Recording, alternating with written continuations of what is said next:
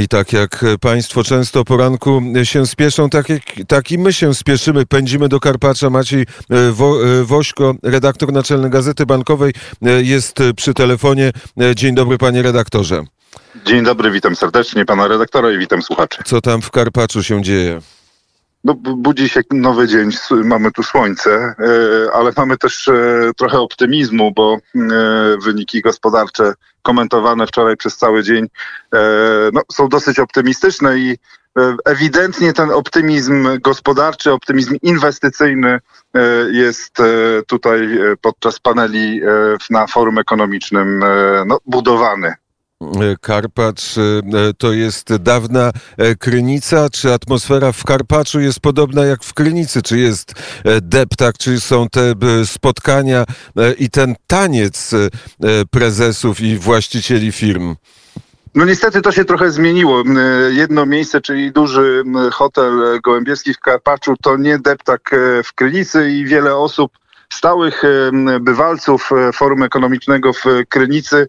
No, wspomina, że, że ten klimat e, Krynicy był e, jednak e, zupełnie inny. Tą atmosferę no, decyzji związanych z pandemią, z ostrożnością dotyczącą no, możliwych, możliwych przypadków COVID-19 czuć tutaj, no, wszyscy chodzimy w maseczkach, bardzo ostrożnie postępujemy zgodnie z wszystkimi zasadami również COVID-19 pojawia się w większości właściwie dyskusji, paneli, e, to jak sobie radzimy z pandemią. Oczywiście bardziej od strony ekonomicznej, bardziej od strony e, gospodarczej i jak wyjdziemy z tego kryzysu, e, który od kilku miesięcy drąży polską gospodarkę i gospodarkę właściwie na całym świecie.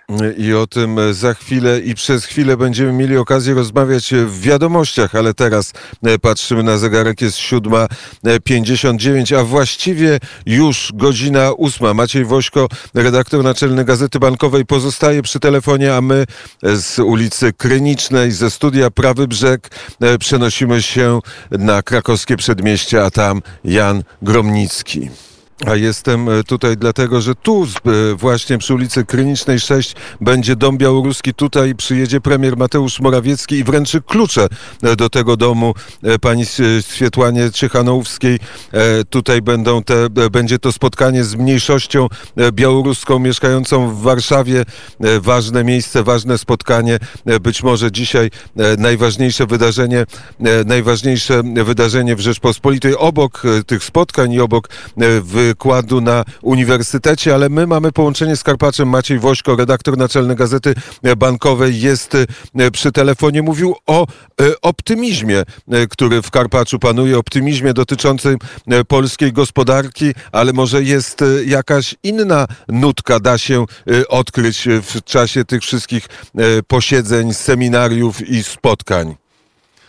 No, inna nuta to oczywiście e, kwestie e, związane właśnie z e, Białorusią i ten temat również tutaj jest obecny w kontekście tego, jak można pomóc Białorusi. Wczoraj pani premier Emilewicz ogłosiła no, wprowadzenie właściwie natychmiast planu pomocy dla białoruskich startupów, dla białoruskich małych, średnich firm technologicznych, które Polsce mogą znaleźć e, tak zwany przyjazny port i e, przenieść swoją działalność e, tutaj do Polski. Zapraszamy ich i dzięki szybkiej ścieżce legislacyjnej, szybkiej ścieżce no, przygotowania niezbędnych dokumentów dla takich firm w ten sposób e, możemy, możemy tym e, firmom pomóc.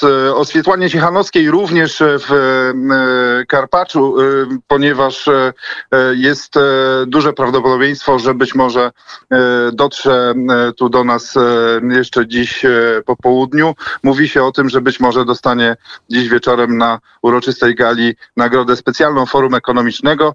Wczoraj z kolei wieczorem na gali Forum Ekonomicznego nagrodę Człowieka roku odebrał Daniel Obajtek. I to też nie było zaskoczenie, ponieważ już wcześniej od dobrych kilku godzin takie informacje nieoficjalne pojawiały się. Warto też zwrócić uwagę na to, że e, nagrodę dla organizacji pozarządowej w tym roku odebrał Związek Harcerstwa Rzeczpospolitej. Bardzo miła uroczystość. To, to jest ta miła część, e, przyjemna część forum ekonomicznego, e, już mniej związana z dyskusjami, debatami, panelami, na których często ścierają się bardzo różne pomysły na to, choćby właśnie jak wyjść z kryzysu covidowego. Jakiś nowy pomysł pojawił się, coś mówiono na temat wodoru jako paliwa przyszłości?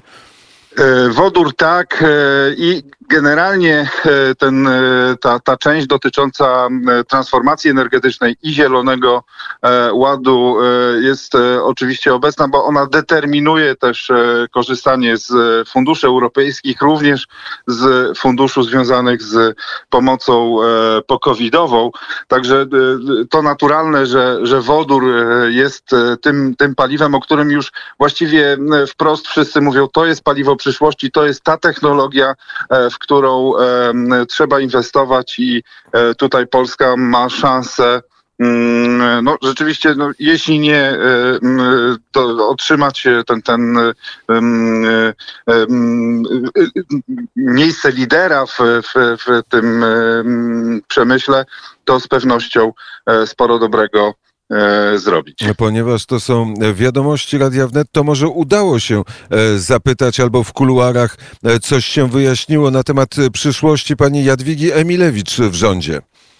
No wczoraj wieczorem podczas gali, na, na gali obecni byli również pan premier Gliński, pan premier Sasin. Zakładam, że również i temat związany z politycznymi Mm, decyzjami związanymi z rekonstrukcją rządu zapowiadaną e, też się pojawiał, natomiast e, no, musimy pewnie jeszcze chwilę poczekać na ostateczne czy oficjalne informacje dotyczące przyszłości pani premier w rządzie. Bo mówi się o tym, że Jarosław Gowin zastąpi panią Jadwigę Emilewicz na tym stanowisku, e, które teraz pani wicepremier piastuje.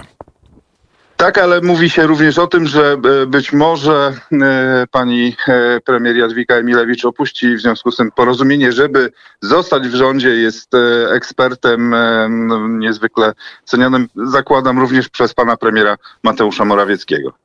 Miłego dnia życzę. Pozdrawiam z ulicy Krynicznej. Tak, Krynica, Kryniczna połączyła się z Karpaczem i jeszcze pani Swietłana Ciechanouska łączy te dwa miejsca, bo być może dzisiaj odbierze w Karpaczu nagrodę. Bardzo serdecznie dziękuję za rozmowę.